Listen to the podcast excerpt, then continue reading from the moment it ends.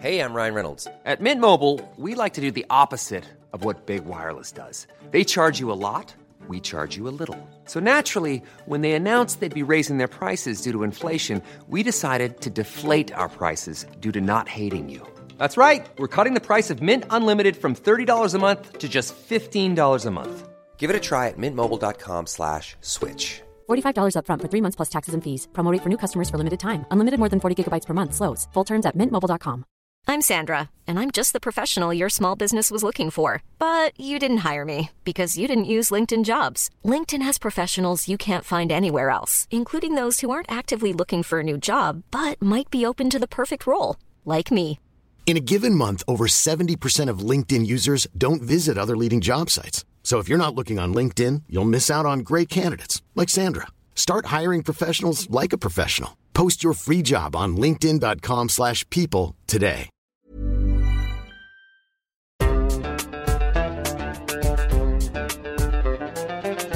بودكاست صوت.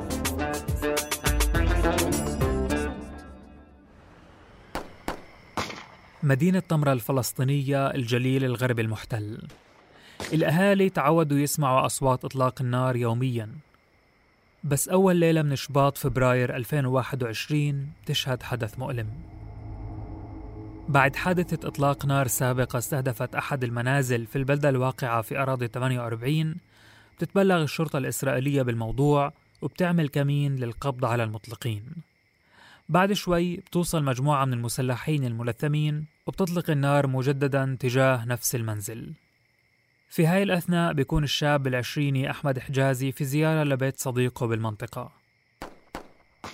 على إثر أصوات الرصاص القريبة بيطلع أحمد وصديقه على باب البيت ليفهموا شو اللي بيصير في المكان. بمجرد ما يوصلوا الباب بتكون قوة الشرطة الإسرائيلية بدأت بإطلاق النار. وبدون التأكد من هوية الأشخاص في المكان تتصوب أسلحة الشرطة على الهدف الخطأ. النتيجة قتل أحمد حجازي طالب التمريض الجامعي برصاصة في الصدر وإصابة صديقه في ساقه. ضحية جديدة لعدائية الشرطة الإسرائيلية تجاه فلسطينية الداخل المحتل. وضحية جديدة للعنف وفوضى السلاح في البلدات الفلسطينية ب 48 هذا بودكاست المستجد. أنا محمود الخواجة. في حلقة اليوم نحكي عن فوضى السلاح والجريمة في الداخل المحتل عام 48 عن مسؤولية سلطة الاحتلال وتعاملها مع القضية.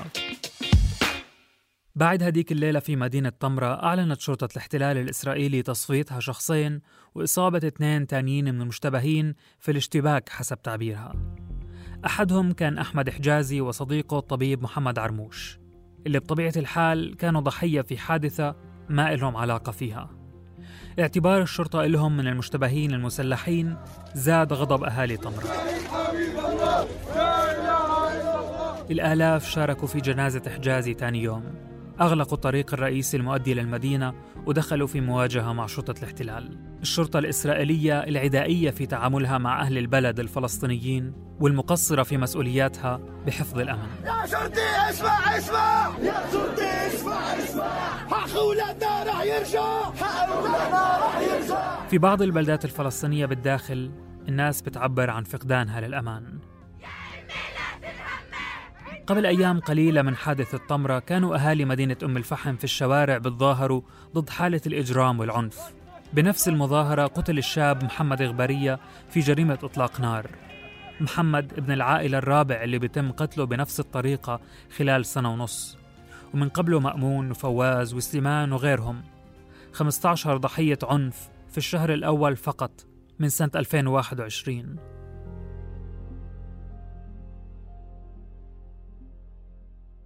مش دايما دوافع القتل مفهومة أو معلن عنها بس المتفق عليه هو تواطؤ شرطة الاحتلال في التعامل مع العنف اللي صار جزء من الحياة اليومية. اليوم المشكلة جذرية صعب حصر سببها في عامل واحد اجتماعي أو اقتصادي أو قانوني. إحنا بحاجة لبحث أشمل في أصول ظاهرة العنف العنف والجريمة اللي ما أجوا من فراغ.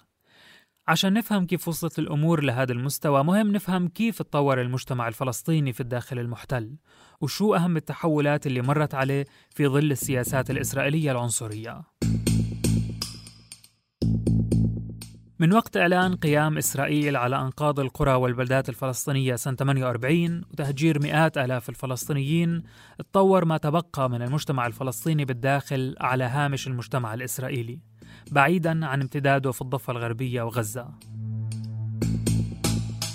خلال سبع عقود أنشئت الأحياء اليهودية ونمت.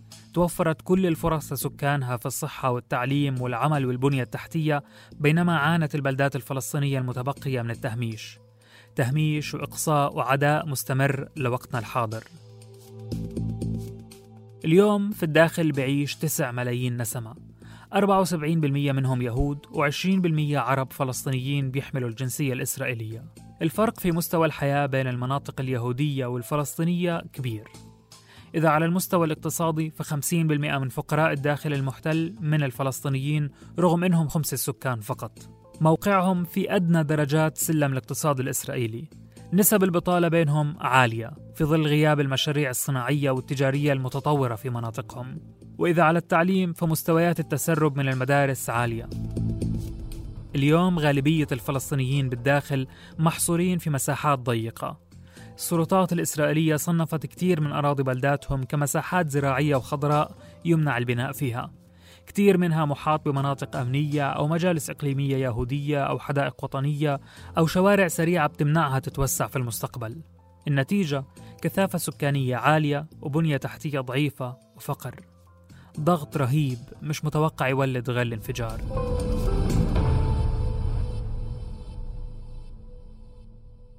هذا الانفجار بنشوفه بوضوح في تزايد أعداد القتلى وضحايا الإجرام سنة بعد سنة.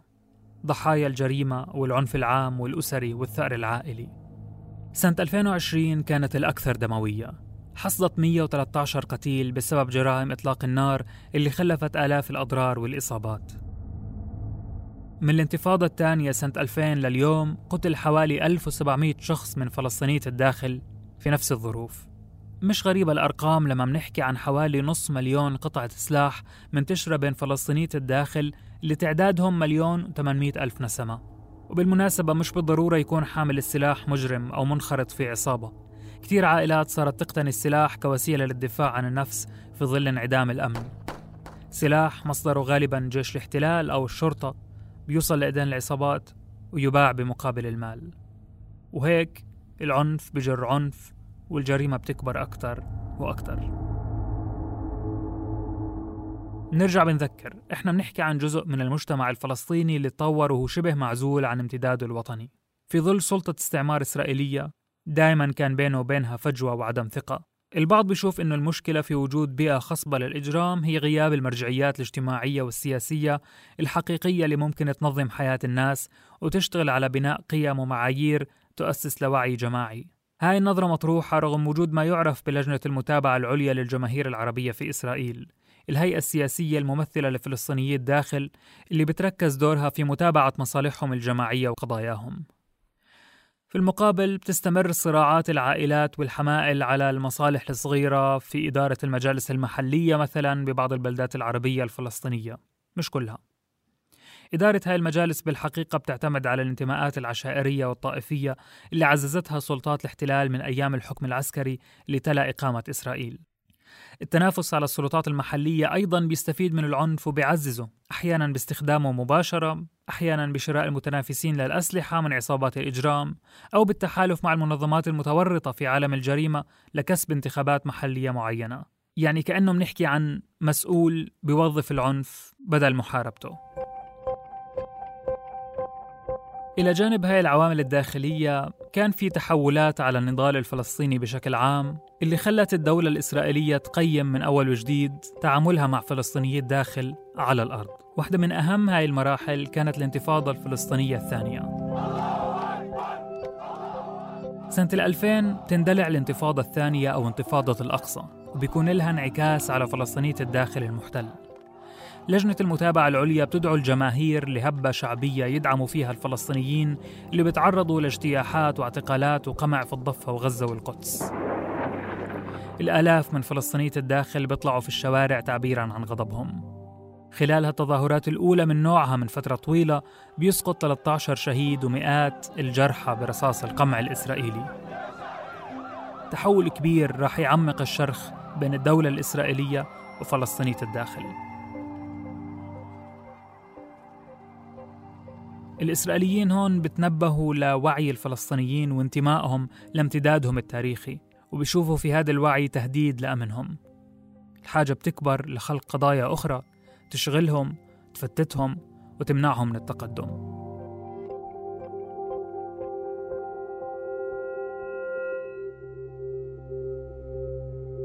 خلال الانتفاضة الثانية كان الاحتلال مجند أعداد كبيرة من الفلسطينيين كعملاء في الضفة وغزة. مع نهاية الانتفاضة نقلوا للداخل فرفضهم المجتمع الفلسطيني. لجأوا للمخدرات والسلاح واليوم صاروا جزء من تشكيلة الفوضى والعنف. من بعدها سنة 2003 كان في حملة إسرائيلية للقضاء على عصابات إجرام يهودية كبيرة. كانت أحيانا تستعين بأشخاص عرب لتنفيذ بعض الجرائم. فعلا كثفت السلطات نشاطها الأمني حبست قادة هالعصابات وقضت على معظمها في التجمعات اليهودية في تل أبيب ونتانيا ونهارية وغيرها. بس على الجهة الثانية المناطق العربية اللي التواجد الأمني فيها محدود كانت مكان مثالي لبقايا هاي العصابات من الأفراد العرب ليطوروا حالهم في شكل جديد من المنظمات الإجرامية. منظمات بتمتلك اليوم مصالح تجارية ومصادر دخل بتضم أعضاء جدد إلها هيكلية معينة من القائد الكبير للجند الصغير وعندها حلفاء في كل مكان. أما سلاحها فمصوب دائما باتجاه المجتمع الفلسطيني. الشرطة الإسرائيلية رغم ادعائها على طول الكشف عن مرتكبي الجرائم في المجتمع الفلسطيني إلا إنها بتكشف عن ثلث هاي الجرائم فقط مقارنة بكشفها عن 60% من جرائم المجتمع اليهودي. فرق كبير بين الجهد اللي بتبذله هون في المناطق الفلسطينية والجهد اللي بتبذله هناك في المناطق اليهودية. طالما العنف بعيد عن اليهود وأمنهم الدولة الإسرائيلية بتغض نظرها عنه في تناقض تام مع خطابها الرسمي في هالقضية بالتحديد. في طمرة قبل سنة ونص من استشهاد أحمد حجازي افتتحت الشرطة الإسرائيلية مركز جديد في المدينة بحضور وزير الأمن الداخلي جلعاد إردان. إردان نفسه صاحب التصريح العنصري اللي وصف فيه المجتمع العربي بالعنيف جدا جدا اللي صراعاته بتنتهي بسل السكاكين بدلا من المحاكم. وكأنه العنف صفة فطرية ما إلها علاقة بالسياق اللي بتنشأ فيه. المهم في الافتتاح أكد المسؤولين الإسرائيليين على أهمية اجتثاث العنف من المجتمع العربي مكافحة الجريمة تعزيز الأمن الشخصي مراكز شرطة أخرى فتحت في البلدات العربية بالسنوات الأخيرة تحت نفس العناوين. وعلى العكس الجرائم في تصاعد السلاح منتشر والدم ما توقف. في عدد من الحركات السياسية والمبادرات الاجتماعية بثبت الفلسطينيين في الداخل المحتل وعيهم لخطورة الوضع. يجب علينا أن نتوحد جميعا.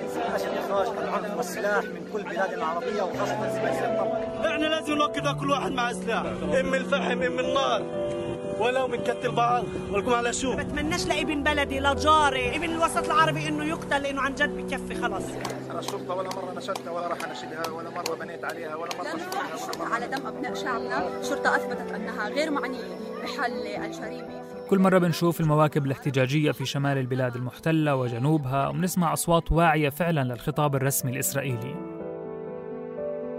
في شهر يناير كانون الثاني الماضي عدد من رؤساء البلديات العرب في الداخل قاطعوا لقاء مع رئيس الوزراء الإسرائيلي بنيامين نتنياهو عبر تقنية زوم. نتنياهو كان ادعى حرصه على معالجة العنف وأعلن نيته لتقديم خطة وطنية للقضاء عليه. بينما رؤساء البلديات اللي قاطعوا أكدوا أنه هذا الإعلان مش أكثر من استغلال سياسي بيسعى من خلاله نتنياهو لحشد تأييد أكبر بين فلسطينية الداخل المحتل. خصوصا مع اقتراب الانتخابات البرلمانية المقررة في شهر آذار مارس 2021 إذا بنيجي للواقع ما في حل جذري منتظر من سلطة استعمارية عنصرية. هاي الخلاصة اللي بنستنتجها كل مرة بنحاول فيها نفهم شو بصير في الداخل الفلسطيني المحتل. الإجماع على تواطؤ الدولة وشرطتها واضح. أهالي الداخل بيلمسوا سطحية وتكرار في نقاش الدولة للقضية وقصور في خططها على الأرض. تدخلها دائما محدود وهدفه الأول والأخير هو فقط حماية الإسرائيلي اليهودي في أحيائه ومستوطناته. بودكاست المستجد من إنتاج صوت. كنت معكم محمود الخواجة من الكتابة والتقديم والمونتاج. روان نخلة من البحث والتحرير مرام النبالي في النشر ما تنسوا تشتركوا بقنوات المستجد محل ما بتسمعوا بودكاست Even when we're on a budget, we still deserve nice things. Quince is a place to scoop up stunning high-end goods for 50 to 80% less than similar brands. They have buttery soft cashmere sweaters starting at $50, luxurious Italian leather bags, and so much more. Plus, Quince only works with factories that use safe, ethical, and responsible manufacturing. Get the high-end goods you'll love without the high price tag with Quince. Go to quince.com/style for free shipping and 365-day returns. When you make decisions for your company, you look for the no-brainers. If you have a lot of mailing to do, stamps.com is the ultimate no-brainer. Use the stamps.com mobile app to mail everything you need to keep your business running with up to 89% off USPS and UPS. Make the same no-brainer decision as over 1 million other businesses with stamps.com. Use code program for a special offer. That's stamps.com, code program.